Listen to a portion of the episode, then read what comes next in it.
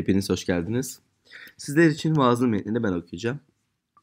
Yakup 2, 14-26 Kardeşlerim, birisi eylemleri yokken benim imanım var derse bu neye yarar? Bu tür iman onu kurtarabilir mi? Eğer bir kardeş ya da kız kardeş çıplaksa, o gün için gerekli yiyecekte yoksunsa, bu kişileri sizlerden biri esenlikle gidin, ısınmanızı, doyurulmanızı dilerim dese, ama bu arada onlara bedenleri için gereken yardımı sunmasa bu neye yarar? Eylemsiz iman kendi başına ölüdür. Birisi çıkıp şöyle diyebilir. Senin imanın var, benim de eylemlerim var. Eylemlerin olmadan sen bana imanını göster, ben de sana imanımı eylemlerimle göstereyim. Sen Tanrı'nın birliğine inanıyorsun.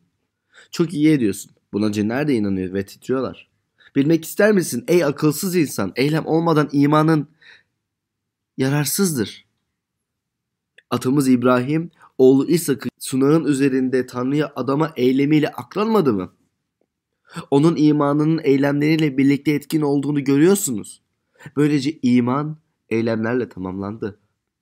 Özellikle Kutsal Yazı'daki şu söz yerine geldi. İbrahim Tanrı'ya iman etti ve bu ona doğruluk sayıldı. Ve İbrahim'e Tanrı'nın dostu dendi. Görüyorsunuz, insan yalnız imanla değil, eylemle aklanır. Aynı biçimde ulakları konuk edip değişik bir yoldan geri gönderen fahişe Rahav da bu eylemleriyle aklanmadı mı? Ruhsuz beden nasıl ölüyse eylemsiz iman da ölüdür. Bu Rabbin sözüdür. Amin. Şimdi paylaşım için Bilge abiyi davet ediyorum. Günaydınlar ve mutlu yıllar. Umarım sağlık içinde, neşe içinde, huzur içinde yeni yıla kavuşmuşsunuzdur. Benden de herkese tekrardan hoş geldiniz. Ruhsal arayışımıza. Girişte de söylendiği gibi 2018 yılından beri bu toplantıları yapıyoruz. Birçok farklı düşüncede bulunan insanlarla bir araya gelip hayat paydaşlığı yapmak, birbirimizden öğrenmek için. Ve biz şehir kilisesiyiz ama kilise bir bina değildir. Her yerde insanlar toplandığı yerde kilise ortaya gelmiştir. Kilise insan topluluğu demektir çünkü. Ve e, bizim neden burada olduğumuzu merak ediyorsanız bizim vizyonumuz var. Bültende de bulabilirsiniz ilk sayfada. Şöyle diyor. Diyor ki amacımız kilise olarak tüm insanlar için muhteşem bir şehrin oluşturulmasına destek olmak. Bunu da Tanrı'dan ilham alarak, beraberce yaşamın tadını çıkararak, komşularımızı severek ve kentimize hizmet ederek başarmak istiyoruz. Um, ve bu yıl bu konuya e, odaklı e, her yeni yılda yaptığımız gibi e, bir seriye başlamak istiyoruz. Ben size hayatımdan bir e, anı anlatmak istiyorum. 1999 yılındaydı ve ben böyle e, gitar çalıyordum ve çok seviyordum. Uzun zamandır çalışıyordum filan falan. Ve hocam dedi ki ya şöyle bir workshop var. Bütün müzisyenler bir araya geliyor. Sen de katıl bayağı iyi gelir. Ve e, tamam dedim. Neden böyle bir öneride bulunduğunu bilmedim ve oraya gittim. Orada piyanistler vardı, bateristler vardı, vokal şarkı söyleyenler vardı, gitaristler vardı. Her tür enstrümanlar ve her enstrümanda bir hocası vardı. ve oraya gittim ve farkına vardım ki bayağı e, kötü çalıyorum. Gittim bir bir kendimi test ettim. Bu arada çok yansıtıyor nedense. Çok e, volümü yüksek galiba. E, ve e, belki hocamın yaptığı en iyi şey olmuş olabilir beni oraya göndermek. Çünkü oraya gidip e, geri geldiğimde eksiklerimi gördüm. Ve evvelden bunların farkında değildim. Oraya gidip ev, geri döndüğümde, kendim kıyasladığımda e, daha net neyi yapabildiğimi ve neyi yapamadığımı gerçek bir şekilde teşhis olarak karşıma çıktı. Ve bilmiyorum siz hayatınızda böyle bir şey yaşadınız mı? Belki bir şeyde bir şey yapıyorsunuz. Belki yaptığınız iyi olduğunu zannediyorsunuz veya tam da bilmiyorsunuz. Ama böyle bir ortama giriyorsunuz. Bir de farkına varıyorsunuz ki yani o kadar da iyi değilmiş veya bayağı eksiklerim varmış. Um, Ve bugün bu konuya yaklaştığımızda aslında altında bu vizyonu nasıl gerçekleştirebiliriz kilise olarak, insanlar olarak, bu toplumun insanları olarak ve bu vizyonu gerçekleştirmek için bizden başlar. Um, bizden başlaması lazım. Kendimizden başlamamız lazım. Ve son yıllarda birçok şey gördük 2018'den beri. Ve insanlar geldi, gitti, e, bir ara bizimle yürüdü. Ve aslında e, biz yıl sonuna doğru gittiğinde bunu bir değerlendirdik. Oturduk, düşündük, sessiz kaldık, dua ettik, değerlendirdik. Ve kendimize şu soruyu sorduk. Acaba neden insanlar birbirinden bir zaman sonra anlaşmazlıklar yaşıyor? Neden ilişkiler bozuluyor? Ve birkaç tane konu ortaya çıktı. Devamlı tekrarlanan ve devamlı tekrar gördüğümüz konular ortaya çıktı ve bu sadece belki Türk toplumunun problemleri değil, bütün insanların da yaşadığı bir problem olabilir. Videoda, o güzel videoda gördüğümüz gibi. Um, ama tabii ki uh, bunun çözümü nedir diye sormamız lazım. Her insan için önemli bir soru. İlişkilerimizin bozulmasını nasıl engelleyebiliriz? İlişkilerimizin bozulduktan sonra bunu nasıl çözebiliriz? Nasıl bir barışa kavuşabiliriz? Veya bu mümkün değil mi? Ve klipteki bir adam dedi ben o toplara hiç girmem dedi. ben bitirdim. Oraya hiç girmem dedi. Um, ve bilmiyorum bugün belki ilk defa geldiniz. Siz ilişkilerinizi nasıl görüyorsunuz? Nasıl değerlendiriyorsunuz? Nasıl, nasıl yaşıyorsunuz? Uh, ilişki sıkıntısı yaşadığınızda küsme durumları olduğunda bunları nasıl çözüyorsunuz? Yoksa belki de çözmüyorsunuz. Yakup burada bize e, İsa'nın sözlerini yansıtarak bir şey yazıyor. Mesih'te yeni yaratılmış insanlar olarak bize yol gösteriyor ve diyor ki sizin farklı bir çağrınız var diyor. Madem böyle bir şeyi kabul ediyorsanız o zaman standardınız farklı ve standardınız kelam diyor. Ve Yakup burada diyor ki kendinizi test edin diyor. Kendinizi test edin diyor. Daha evvelde kitabın birinci bölümde bize bir örnek veriyor, bir, bir benzetme kullanıyor. Diyor ki kutsal kitap, kelam bir ayna gibi diyor. Birinci bölüm 23. ayette diyor ki aynaya bakıp akıllıysan aynaya bakıp net görüp ona göre tedbir alırsın diyor. Bugün buraya gelmeden aynaya bakan var mı aramızda? Peki bakmadan gelen var mı aynaya? Bu arada mikrofon hala çok yansıtma yapıyor. Bu neden olduğunu anlayamadım. Aynaya bakıp tedbir almak akıllı insan olarak değerlendiriyor Yakup. Ama aynaya bakıp gördüğünü unutanı aptal insanla, ahmakla değerlendiriyor Yakup. E diyor ki kendinizi test edin diyor ve biz e, yıllık bir ayet seçiyoruz hep kilise olarak. Bu yıl boyunca bu ayete odaklanmak istiyoruz, düşünmek istiyoruz, e, büyümek istiyoruz diye ve Aziz Paulus'un bir sözü o da hemen hemen aynı şeyi söylüyor. Diyor ki iman yolunda bültenin alt tarafında size bastık. İman yolunda olup olmadığınızı anlamak için kendinizi sınayıp yoklayın. Diyor ki test edin kendinizi diyor. 1. Korintiler 13. bölümde yazıyor bunu. Ve Yakup ve Paulus burada bizi davet ediyor. Diyor ki aynaya bakın. Ne görüyorsunuz? Ona göre tedbir alın. Gerçekten imanınız nasıl bir şey? Çünkü bakın iman dediğimiz şey bir teori değil. Ve burada belki büyük bir yanlış anlaşmazlık var. İmanımız neye inandığınız gerçeğe mecburen yansıtması gerekir. Yani gerçeğe herhangi bir şekilde kendini belirtmesi gerekir. Bunu sadece Yakup veya kutsal kitap demiyor. Bunu bütün filozoflar söylüyor. Sadece nasıl diyeyim bir, bir giydiğiniz takım forması gibi değil. Ben işte Beşiktaşlıyım veya Fenerbahçeliyim veya Galatasaraylıyım giyip akşam yattığınızda onu çıkarmak gibi bir şey değil. Ama birçok insan iman dediğimizde, din dediğimizde, dünya görüş dediğimizde bunu sadece bir fikir olarak anlıyor. Yani ha ben bu fikri savunuyorum veya bu fikri temsil ediyorum. Ama aslında Immanuel Kant mesela yazdığı kitaplarında dört soru soruyor. Diyor ki bu soruyu her insan cevaplaması lazım diyor. Ve diyor ki insan nereden gelir? İnsan nereye gidiyor? İnsanın varlığı neden? Bu, buradaki yaşama sebebi neden? Neden yaşıyorsun? İnsan nedir? Ve bu soruları her insan cevaplaması lazım ve bu soruları ister bilinçli şekilde cevaplarsınız, ister bilinç altı şekilde cevaplarsınız ama sabah kalktığınızda bu sorulara verdiğiniz cevaba göre yola çıkıyorsunuz? Bu soruya cevaplara, bu soruya verdiğiniz cevaplara göre giyinip hazırlanıyorsunuz, işe gidiyorsunuz, hayatta bir şeyler elde etmek istiyorsunuz. Ve iman dediğimiz şey sadece bir teori değil, varlık değişimi, varlığımızı yansıtan bir şey. Ve eylemlerde meydana çıkan bir şey, ölçülebilir bir şey, belirtilir olan bir şey. Ve burada başlamadan bir küçük bir uyarı. Bakın Paulus ve Yakup kendinizi test edin diyor. Burada bunu dinlediğimizde başkalarının için dinlemeyelim. Aa komşum bak bu komşum bunu çok dinlemesi lazım. Aa bak bu kişi bu bak çok duyması lazım. Kendimiz için dinleyelim. Kendinizi sınayın diyor. Paulus diyor ki iman yolunda olup olmadığınızı anlamak için kendinizi sınayıp yoklayın diyor. Yakup diyor ki kelama bakıp kendinizin bakın aynada kendinize bakın diyor. Ve bu önemli bir şey çünkü hepimiz yoldayız. Hiçbirimiz bitmiş e, bitmiş e, son bir duruma ulaşmadık. Hepimizin eksikleri, kusurları var. E, hepimiz e, masum değiliz meşhur şarkı metinlerini e, yansıtmak için. Farklı alanlarda mücadele ediyoruz. Ama bunu dinlerken bu prensipe odaklanın.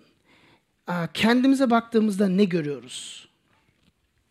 Yakup biliyorsunuz belki İsa'nın e, kardeşiydi. Yani aynı anneden e, ama Yusuf'un oğluydu. Biliyoruz İsa e, kutsal ruhun oğlu olarak ifade ediyor kutsal kitapta. Uzun bir konu. Noel serimizde bunlara baktık. E, gerileri gidip izlemek isterseniz e, internette mevcut. İsa'nın dört tane yarı kardeşi vardı. Yakup, e, Simon, e, Yahuda ve e, Yusuf.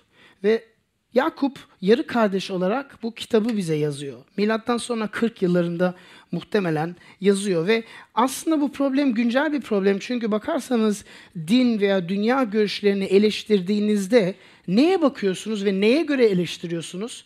Bu dinleri veya dünya görüşlerini yansıtan veya temsil etme iddiasında bulunan insanlara bakıyorsunuz. Değil mi?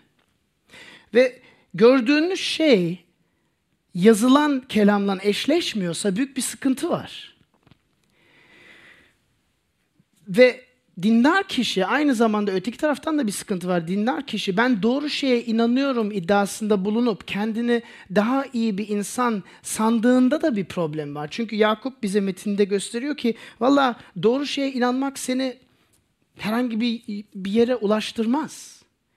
İyi bir şey doğru şeye inanmak ama yetersiz bir şey. Sizden bakmak istiyorum metinde. Üç tane şey var. Bizim Yakup gösterdiği, bize Yakup gösterdiği. Manevi bir deprem veriyor Yakup bize. Ondan sonra yetersiz belirti gösteriyor. İmanın yetersiz belirtilerini gösteriyor. Ve gerçek imanın neden oluştuğunu gözümüzün önüne boyuyor. Birçok örnek veriyor. Hazırsanız başlayabiliriz. Hazır mısınız? Manevi deprem. Bakın 24. ayette ve sadece orada değil devamlı ve devamlı bir çekiç çakar gibi Yakup aynı ve aynı soruyu soruyor. Bir nakarat gibi aynı şeyi tekrarlıyor ve söylediği şey şu.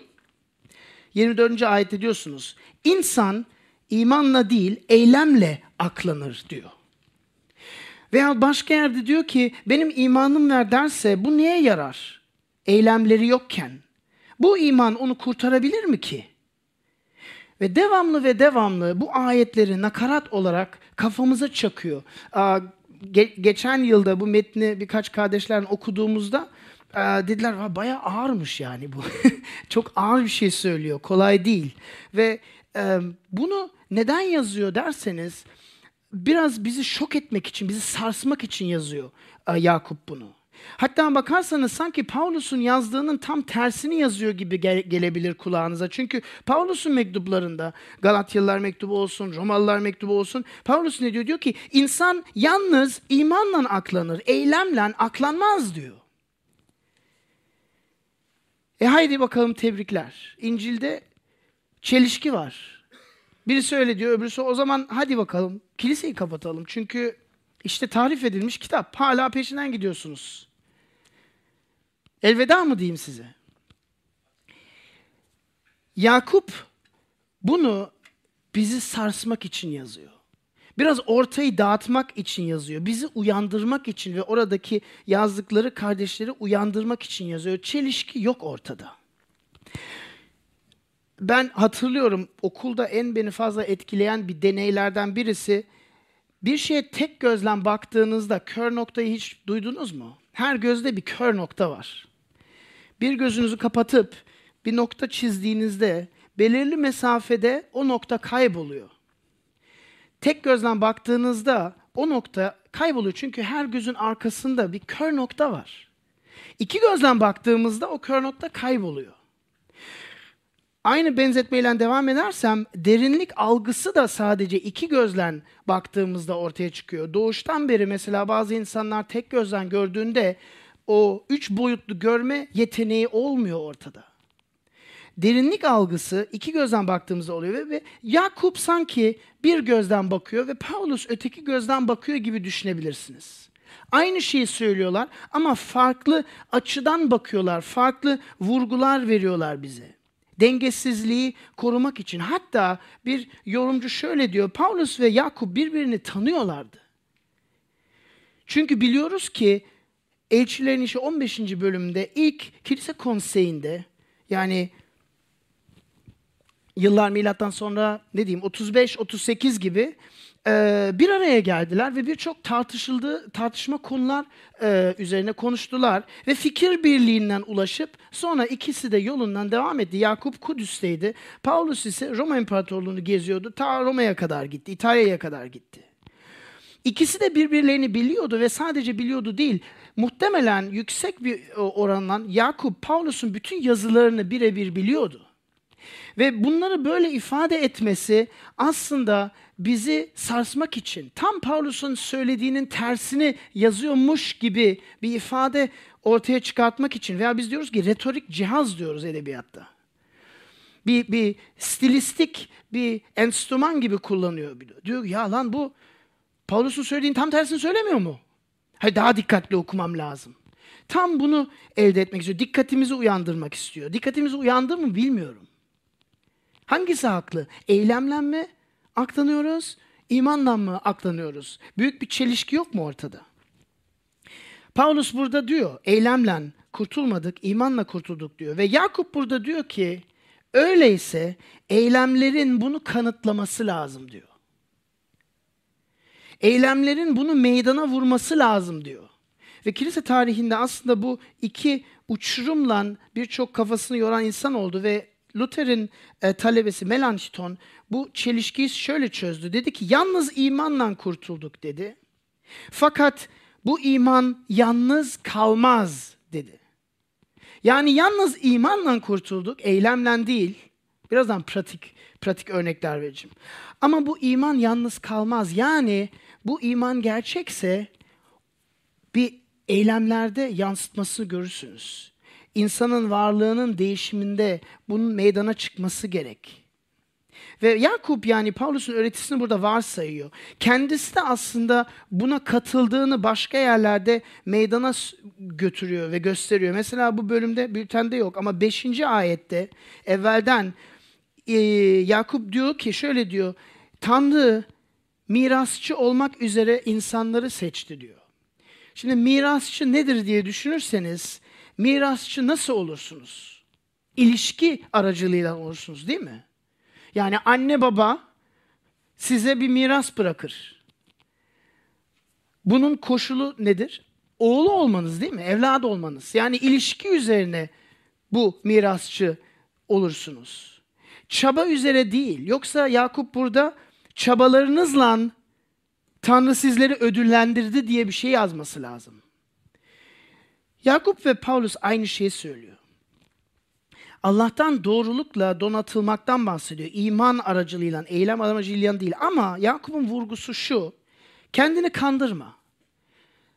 Bu görülebilmesi lazım olan bir şey. Hatta İsa'ya geri gidersek İsa'nın sözleri aynı şeyi yansıtıyor. Mata 7'de ki bunun üzerine de konuşmuştuk geçmişlerde. Diyor ki bunun gibi her iyi ağaç iyi meyve verir. Kötü ağaç ise kötü meyve verir. İyi ağaç kötü meyve ve kötü ağaç iyi meyve veremez. Mantıklı değil mi? Biyoloji hocanız da bunu söyleyebilir size. İyi meyve vermeyen her ağaç kesilip ateşe atılacaktır. Böylece sahte peygamberleri meyvelerinden tanıyacaksınızdır. Hayatlarına baktığınızdan tanıyacaksınızdır. Ve sahte imana sahip olanları da hayatına baktığınızdan tanıyacaksınızdır diye İsa kendisi söylüyor. Kendinizi yanıltmayın diyor. Yeni yılda bilmiyorum nasıl girdiniz. İnsanın aklında birçok şey olabilir. Belki yeni bir işe odak, belki yeni bir ev, belki yeni bir hobi, bir spor, belki sağlıklı beslenme. Bunlar hepsi güzel şeyler. Fakat ben imanlıyım dediğinizde, ben İsa'nın yolundayım dediğinizde en önemli düşüneceğiniz şey Yakup'un bu metinleri. Kendinizi test edin. Gerçekten imanınız gerçek mi? Meyve veriyor mu? Yoksa kendimizi kandırıyor muyuz? Çünkü bakın sadece bu bireysel bir şey değil. İsa'yı temsil ediyorsunuz. İnsanlar size bakıyor. Ve gördüklerini beğenmediğinde İsa'yı savuyorlar. Doğru şeye inanıyorum ama etkisi yok, gücü yok dediğimizde bir problem var. Peki bunu nasıl değerlendirebiliriz? Kelama bakıp kendimizi nasıl test edebiliriz? Yakup bize ilk önce yetersiz belirtiler veriyor. Ondan sonra yeterli ve gerçek imanı bize gösteriyor. İkinci noktama geçmek istiyorum sizinle beraber. Bakarsanız 19. ayette şöyle ilginç bir şey yazıyor. Sen Tanrı'nın birliğine inanıyorsun. Çok iyi ediyorsun. Buna cinler de inanıyor ve titriyorlar. Bu çok ilginç ve aslında korkutucu bir şey. Yakup burada diyor ki şeytanların, cinlerin, perilerin inancı doğru diyor. İlahiyatı doğru diyor. Öğretisi doğru diyor. Hatta bir yorumcu dedi ki evrendeki en iyi ilahiyat fakülteleri cinlerin, perilerin ve şeytanların ilahiyat fakülteleridir. Çünkü bir zamanlar Tanrı ile beraber göklerdeydiler. Aynı aynı çevredeydiler. Tahtın önüne çıktılar. Tanrı'yı yakından tanıyorlar. Ve buna rağmen ona karşı çıkmayı karar verip düştüler. Allah'la birlikteydiler. En büyük azizlerden daha fazla bilgiye sahipler. Ve doğru bilgiye sahipler. Ve bakın burada bu konular zor. Bu, bu metin, bu vaaz gerçekten zor. Başka konu seçseydik daha kolay olacaktı benim için. Çünkü yanlış anlayabilirsiniz. Bakın doğru öğreti önemli bir şey, iyi bir şey. Doğruyu bilmek önemli bir şey. Elinizden geleni yapın kutsal kitabı anlamak için, oradaki yazılanları doğru anlamak için.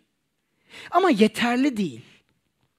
Doğru şeye bilmek, doğru şeye inanmak yeterli değil. Yakup bunu söylüyor bize. Buna sahip olup yine de şeytan olabilirsiniz diyor aslında. Yine de bir cin gibi yaşayabilirsiniz.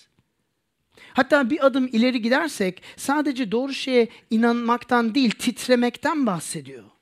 Titremek farklı değerlendirmek isterseniz saygı duymak veya çekinmek veya korkmak. Neden korkuyorlar? Allah'ın gücünden, görkeminden, yüceliğinden ve egemenliğinden korkuyorlar.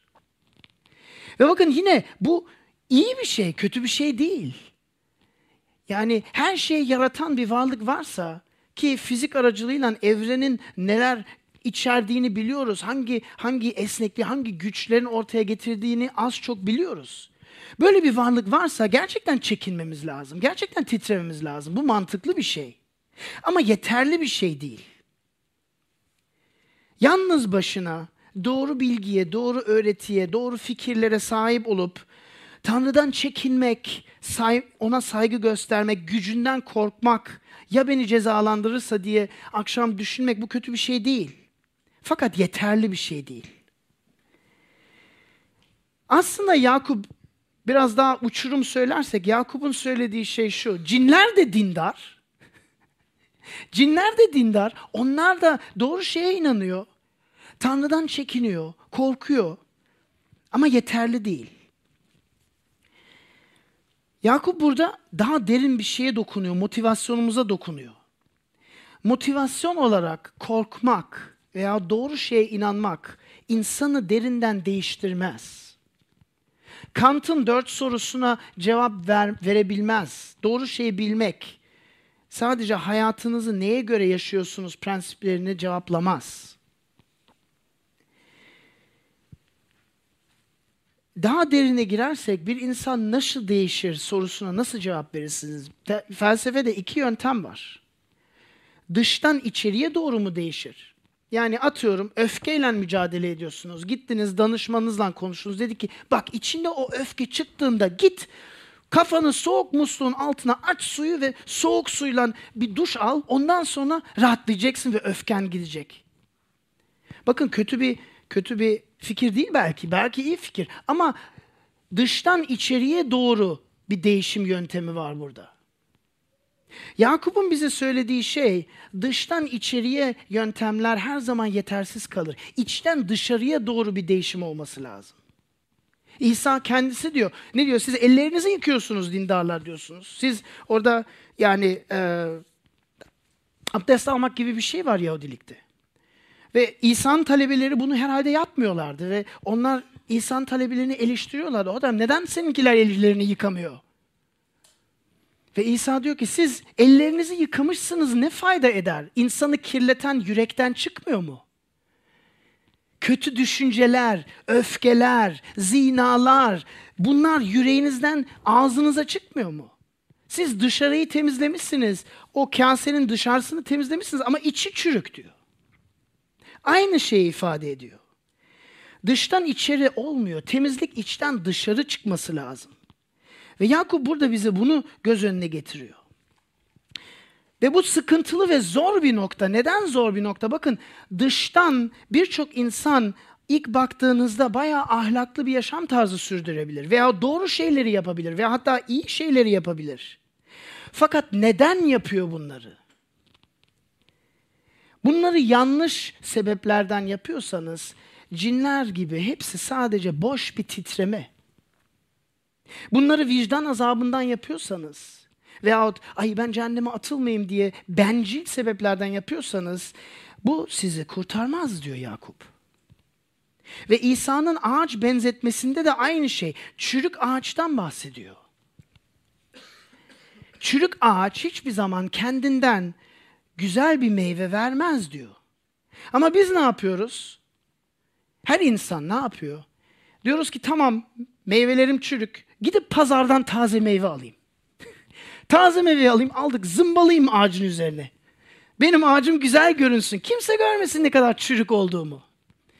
Bunu hepimiz bilmiyor muyuz? Diyelim ki birine aşık oldunuz. Ne yapıyorsunuz? En güzel meyvelerinizi asmıyor musunuz? Kendi meyveleriniz değil belki. Gidip pazardan alıyorsunuz. Ama sonra evleniyorsunuz. Ne oluyor? O çürüklük meydana çıkıyor değil mi?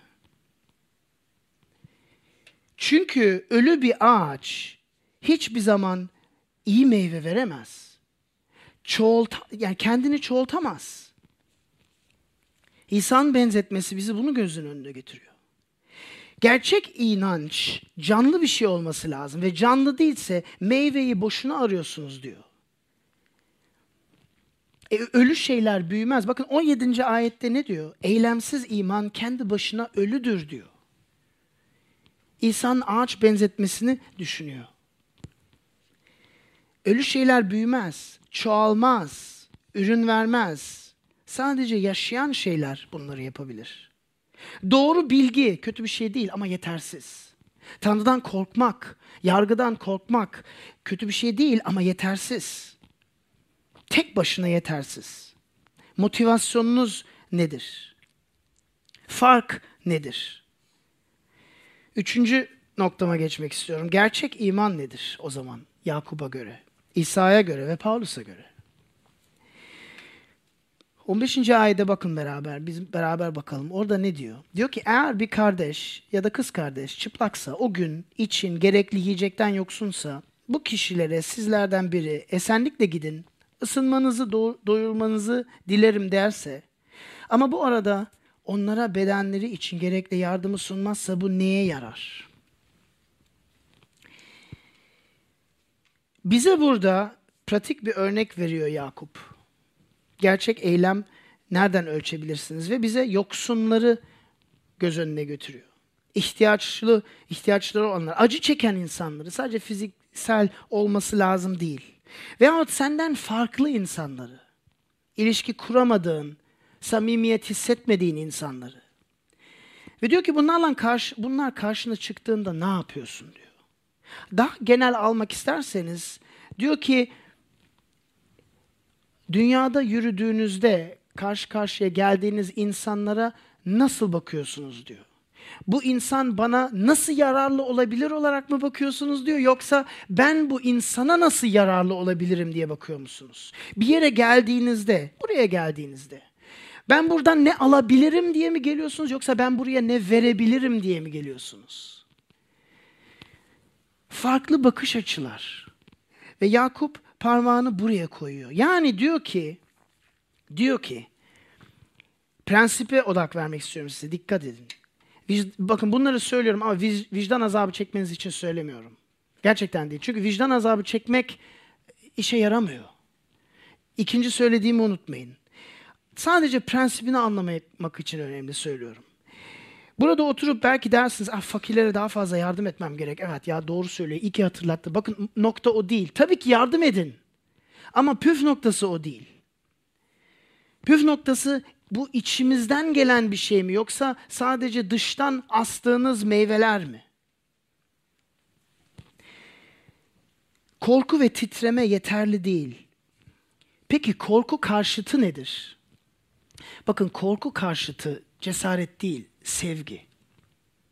En temelinde sevgi. Ve Yakup bunu varsayıyor. Diyor ki insanlara ilgi, sevgi ve yardım organik bir şekilde gösteriyor musun? Mekanik bir şekilde değil. O, organik, içten gelen bir şekilde. Vicdan azabı çektiğinden dolayı değil. Seni senin yüreğine dokunduğundan dolayı bunu yapıyor musun? Ve bu bakın bu zor bir şey. Birini gördüğünde, yoksun birini gördüğünde, dışlanmış birini, acı çeken birini, ağlayan birini belki hiç tanımıyorsun. Bu seni dürtüyor mu? İçten dürtüyor mu? Dokunuyor mu sana? Prensip bu. Neden derseniz 5. ayet, aynı bölümün 5. ayetinde evvelden de söyledim. Ne diyor? Tanrı dünyada yoksul olanları, kendini sevenleri egemenliğin mirasçı olarak seçmedi mi diye soruyor Yakup. Yani yoksul bir insan gördüğümüzde veyahut acı çeken bir insan gördüğümüzde bunu düşünmemizi istiyor. Sevgi, en temelinde sevgi var.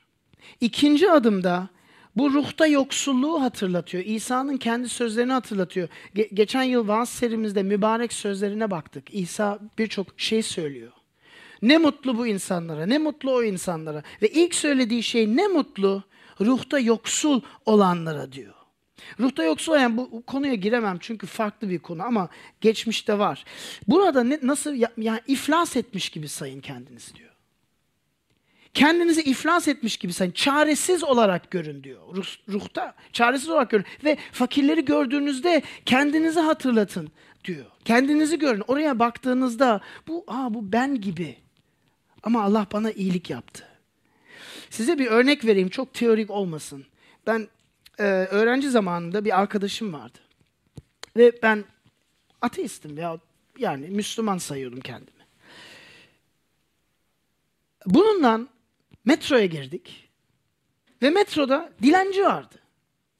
Ve biliyorsunuz dilenciye para verecek misiniz, vermeyecek misiniz? Yardım ediyor musunuz, etmiyor musunuz? Yoksa haksızlığı, adaletsizliği mi öne sürüyorsunuz? Acaba onlar başkaları çetelerden mi sokağa kovuluyor? Bunlar bütün bu karmaşık bir konu. Bu arkadaşım bu dilenciye para verdi ve bayağı fazla para verdi. Ve ben dedim vay çok şaştım dedim sen çok iyi bir ins- insanmışsın dedim. Cevabı neydi biliyor musunuz bana? Ve itiraf edeyim anlamadım o zaman. Cevabı neydi? Cevabı şuydu. Hayır. Ben iyi bir insan değilim. Ben buna sadece kendimi daha iyi hissetmek için para verdim. Anlıyor musunuz Yakup'un ne söylemek istediği? Prensipi anlıyor musunuz? Bu çok önemli bir prensip. Benim birçok Müslüman arkadaşlarım var, dostlarım var. Çok seviyorum. Ve bana bazen böyle çakıyorlar, geyik atıyorlar. Diyorlar ya siz Hristiyanlar siz kolayı seçiyorsunuz ya.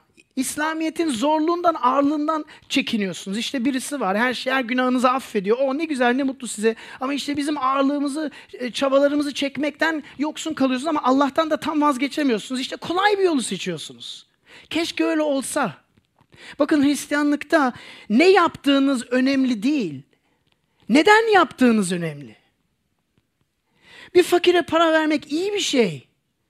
Ama neden veriyorsunuz? Bencillikten mi veriyorsunuz? Allah'a karşı sanki iyi eylemler toplayıp bir gün cennet kapısına gördüm. Alın bak neler yaptım bak hayat boyunca. Ama neden yaptın diyecek. Neden yaptın? Bencillikten mi yaptın yoksa beni sevdiğinden mi yaptın diyecek. Ne kadar zor bir şey olduğunu anlıyor musunuz? Bu gerçekten zor bir şey. Ve bunun üzerine düşündüğümüzde ki ben bu arkadaşımı anlamadım. Dedim sen nasıl kendi, nasıl kötü bir insansın diye iddia ediyorsun. Anlamadım gerçekten. Şimdi anlıyorum. Şimdi anlıyorum. Çünkü kendini anlamış, aynaya bakmış. Yakup'un söylediği aynaya bakmış ve ne görmüş? Ben ruhta yoksunum. İçimde iyilik yok. Yaptığım iyi şeyleri bile bencil sebeplerden yapıyorum. Tanrı'nın önünde hiçbir şeyim yok. İlk önce sevgi. Sonra ruhta yoksun olmasını itiraf etmek ve bu itiraf tövbeye sürdürüyor bizi.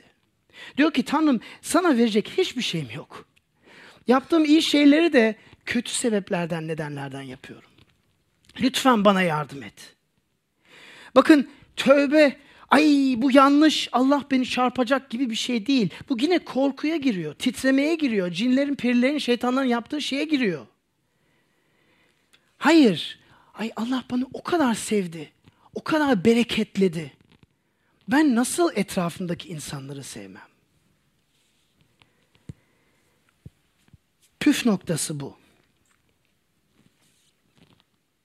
Ve bakın tövbe edebilmek için yargı ruhunu üzerinizden sıyırıp atmanız lazım. Bakın buraya geldiniz, belki ilk geldiniz ve birçok şey güzel. O ne güzel, müzik güzel, şu güzel. Ondan sonra kaldınız 4 ay, 5 ay, 6 ay, 1 yıl, 2 yıl. Ve aa birçok eleştirecek şey var. İnsanların birçok eksikleri var. Birçok kusurları var. Evet kilise dedi. Aziz Augustin dedi ki kilise azizlerin müze, müzesi değil, ruhsal yoksulların hastanesidir dedi. Ama siz bir eleştiri ruhundan geldiğinizde, eleştiri ruhu üzerinizden geldiğinde bütün hepsini yargılamaya başlıyorsunuz. Ve yargılayacak çok şey var. Ama o zaman bu aynayı kendiniz için kullanıyor musunuz? Paulus'un söylediği sözleri kendinize uyguluyor musunuz? Ki ilk önce bunu yapmamız lazım. Vizyon bizden başlar. Sevgi, ruhta yoksul, itiraf ve tövbe ve bu, bunu yaptıktan sonra aşırı bir cesarete kavuşuyorsunuz.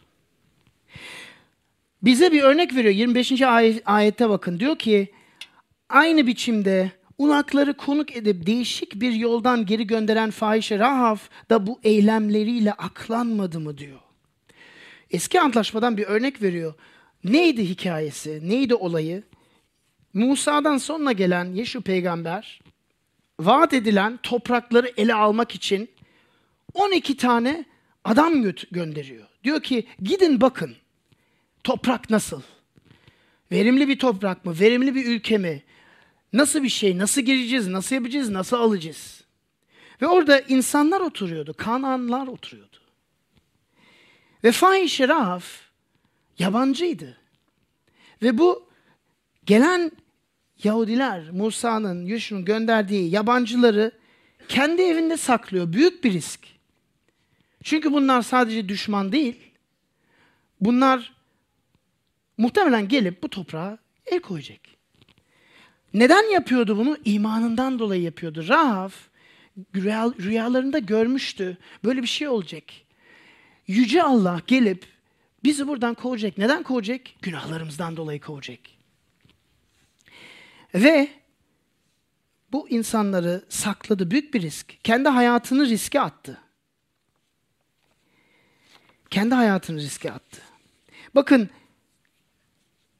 bütün bunları yaptıktan sonra dünyadaki dünyanın üzerinizde olan kontrolden özgürleşiyorsunuz. Çünkü başka birisi bana bakıp da ne düşünecek diye düşünmüyorsunuz artık. Başka bir ay ben İsa'ya inanıyorum dediğinizde ha- hangi zulümleri göreceğim diye düşünmüyorsunuz artık. Bu cesarete kavuşmak başka bir şey ve sizin hayatınıza baktığınızda bu huzuru görüyor musunuz? Bu, bu bir huzur veriyor size. Çünkü görüş, görünüşten özgür kalıyorsunuz. Ay insanlar ne diyor? Ay pazardan gelip çürük meyvelerim gözükecek. Ay gidip şu taze meyveleri asayım. Hayır ruhta yoksunuz. Vereceğim bir şey yok. Allah'tan başka benim Allah bana vermezse hiçbir şey veremem. Aşırı bir huzur ve aşırı bir cesaret veriyor. Bakın bütün bunlar Yakup'un saydığı bütün bunlar bir kategori belirtiler. İlk kategori belirtiler diyeyim. Çünkü hepsi insan ilişkilerine bakıyor şimdiye kadar. İnsanlar birbirinden nasıl ilişki sürüyor. Ama bunu nasıl yaparız diye sorduğunuzda nereden bu gücü alırız? Nereden bu cesareti alırız? Nereden bu sevgiyi alırız? Nereden bu e, itiraf etme cesaretini buluruz dediğinizde size cevap vermem gereken şey şu. Allah size yardım etmezse mümkün değil. İmkansız. Çünkü ruhta yoksul olmak bunu yapamamak anlamına geliyor zaten. Zaten ikinci işaret yani bu sevgiyi aradığınızda bu sevgi içimde yok demek. Bunu yapabilmek için yatay ilişkilerimizi iyileşebilmek için dikey ilişkimizin ilk önce iyileşmesi lazım. Allah'la ilişkimiz iyileşmesi lazım. Ve Yakup bize son bir örnek veriyor. Bu ikinci kategoriyi yansıtmak için İbrahim örneğini veriyor. Ne diyor? Atamız İbrahim, 21. ayete bakın benimle. Atamız İbrahim oğlu İshak'ın Sun'un üzerine Tanrı'ya adama eylemiyle aklanmadı mı? Onun imanının eylemleriyle birlikte etkin olduğunu görüyorsunuz. Böylece iman eylemlerle tamamlandı diyor. İbrahim'in hayatına baktığımızda ilginç bir şey görüyoruz. İbrahim Tanrı'yı tanımıyordu. İbrahim Tanrı'yı aramıyordu bile. Allah kendini İbrahim'e gösterdi. Dedi ben her şeyi yaratan Tanrıyım. Aileni terk et, toprağını terk et, memleketini terk et. Benim sana sonra göstereceğim bir yere git. Size böyle bir şey olsa kim gider? Valla ben gider miyim bilmiyorum. Çünkü misyon belirsiz bir şey yani. Her şeyini bırakacaksın ama nereye gideceğini de bilmiyorsun. Ve ben seni bereketleyeceğim diye söz veriyor Tanrı ona. Ama İbrahim'in hayatına baktığımızda görüyoruz ki evet inanç var ama sağa sola saparak gidiyor.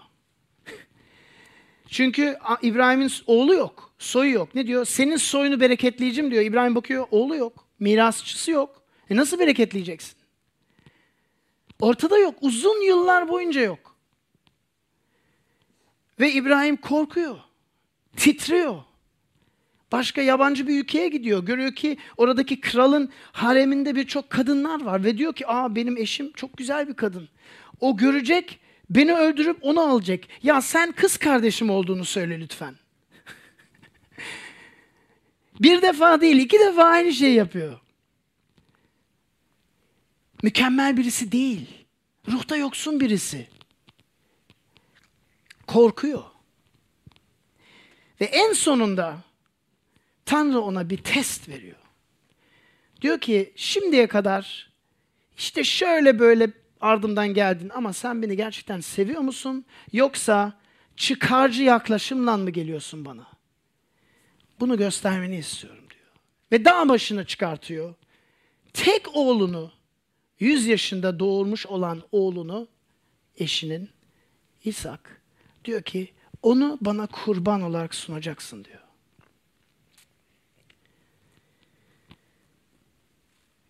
Çocuklarınız varsa bunun üzerine bir düşündüğünüzde bu ne kadar ağır bir şey olduğunu belki fark edersiniz.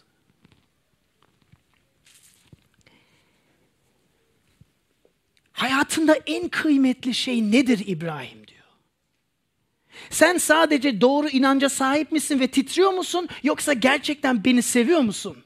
Hayatında en kıymetli şey ben miyim diye soruyor Allah ona. Testin testin sebebi bu. Sen beni sadece kullanmak mı istiyorsun? Dua ettiğinde para, ev, mal, mülk, karı böyle şeyler için mi dua ediyorsun? Yoksa gerçekten benimle beraber olmak mı istiyorsun? Beni seviyor musun? Bakın ne dedik? Yakup ne diyor? Tanrı dünyada yoksul olanları ve kendini sevenleri egemenliğin mirasçı olarak seçmedi mi diye soruyor. Kendini sevmeleri çıkarcı yaklaşım değil.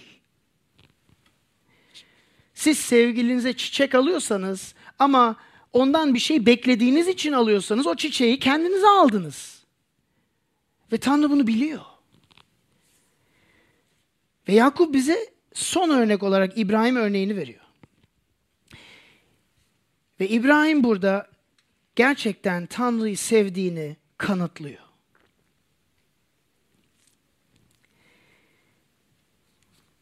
Bakın gerçekten sevdiğiniz bir insan varsa, bir dostunuz varsa, onunla vakit geçirdiğinizde hadi ne yapalım diye sormanız önemli değil. Sadece onunla beraber olmak bile yeterli. Hiç önemsiz. Yani ne yaptığınız önemsiz. Artık sinemaya mı gidiyorsunuz, çay mı içiyorsunuz, e, sahilde mi yürüyorsunuz? Sadece bu insanla vakit geçirmek istiyorum değil mi? Sevdiğimiz bir insana öyle yaklaşmıyor muyuz? Allah da aynı şeyi bizden istiyor. Onu seviyorsak onunla vakit geçirmemizi istiyor. Onu onu kendisi için istememiz için istiyor. Ve İbrahim burada bu testi geçiyor. Zaten Tanrı bir insan sunusunu kesinlikle kabul etmezdi. Ama bu bir test. Ve sonra diyor ki şimdi beni sevdiğini görüyorum. Ve neden Yakup burada çok ilginç bir kelime kullanıyor. Ne diyor? İbrahim'in İbrahim inancı eylemlerle tamamlandı diyor. Tamamlandı. Tamamlandı ne demek? Evvelden de yola çıkmıştı. Ama işte şöyle böyle. Ama orada tamamlandı. Orada tamamlandı çünkü sevgisini kanıtladı. Bakın bütün bunları yapabilmek için ilk önce bu sevgi yok içimizde dememiz lazım. Peki bu sevgiye nasıl ulaşırız? Bunları nasıl yapabiliriz? Düşünün bir İbrahim milattan önce 2000 yılında bu dağa çıkıyor ve kendini oğlunu kurban olarak vermeye hazır. Bıçağı çekiyor. En son anda melek diyor yok yapma. Sana bir keçi verdim. Onu kurban sunusu olarak kes. Kurban bayramını bundan kutluyoruz bu arada. Ama milattan ama İbrahim'den 2000 yıl sonra başka bir baba bir dağ başına çıkıyor ve oğlunu gerçekten feda ediyor. Bu herhangi bir baba değil. Göklerdeki babamız. Yüce Allah. Kendi oğlunu çarmıhta feda ediyor. İsa Mesih'i çarmıhta feda ediyor. Neden? Çünkü bunları yapabilmemiz için Allah'ın sevgisinden emin olmamız lazım. Allah'tan sadece korkmamak için onun bize karşı gerçekten iyi niyetli olduğunu ve sevgi dolu olduğunu inanmamız lazım. Ve Tanrı bunu çarmıhta 2000 yıl evvel bize kanıtlıyor. En kıymetli şeyini bizim için vermekle bize kanıtlıyor. Neden veriyor? Ki onun sevgisine hayran kalalım diye veriyor. Onun güzelliğine hayran kalalım diye veriyor. Ve Davut bunu gördükten sonra ne diyor biliyor musunuz? Diyor ki Rab'den tek dileğim, tek isteğim şudur. Allah'ın güzelliğini seyretmek, tapınağında ona hayran olmak için ömrümün bütün günlerini onun evinde geçirmek diyor Mezmur 27.4'te. Allah'ın güzelliğini gördünüz mü? Yoksa çıkarcı mı yaklaşıyorsunuz? Veyahut var olup olmadığından belki emin değilsiniz. Tanrı bize sevgisini kanıtlıyor. Ve bundan dolayı Yakup İbrahim örneğini veriyor bize. Ve diyor ki bu çarmıha inandığın takdirde ve herhangi bir sebepten ölmüyor. Bizim günahlarımız için ölüyor. Bizim eksiklerimiz için ölüyor. Bizim sevgisizliğimiz için, bizim çürük ağaç olmamızdan ötürü ölüyor. Ve sevgisini bize kanıtlıyor. Ki bu sevgiye inandığımızda, ardından gittiğimizde biz de adım adım değişik bir yönteme sapmamız için adım adım biz de meyve verebilmemiz için, onun söylediklerini adım adım biz de yapabilmemiz için ve Yakup'un bütün metni burada odak noktası budur. İlk defa duyuyorsunuz bunları. Böyle bir koşulsuz sevgiden emin olmak istemez misiniz? Her şeyi yaratan Tanrı, bütün evreni, her şeyi düzenleyen Tanrı sizi tanıyıp, ismen bilip, seni seviyorum duymak sizi size bir huzur vermez mi? Çarmıh bir davet. Çarmıhta İsa bütün dünyayı sarılabilirim diye ellerini çivilerle o tahtada dikilip kalıyor. Tanrı'nın sevgisine gelmek ister misiniz? Bugün bir fırsat. Birazdan farklı cevap yöntemlerine geçtiğimizde dua edin. Bu gerçekten doğru mu? Bunu gerçekten hayatımda inanıp ardından gitmek istiyor muyum? Sizin için dua etmek istiyoruz. Rabbimiz sana minnettarız. Bu metin için, bu seri için, Yakup için. Um, o da İsa'nın kim olduğunu ilk önce anlamakta zorluk çekti. Lütfen sen bize sadece boş bir inanç verme. Sadece teoride doğru inanç, doğru öğretiye sarılmamızı verme, gerçekten insanlara doğru ve yönelik, gerçek yaşayan bir inanç olsun Rab. Gerçekten meyve ve ürün verelim ve bu meyveler ve ürünler insanlara doğru davranışlarımızdan belirli olsun diye dua ediyorum. İsa Mesih adına amin. Thank you.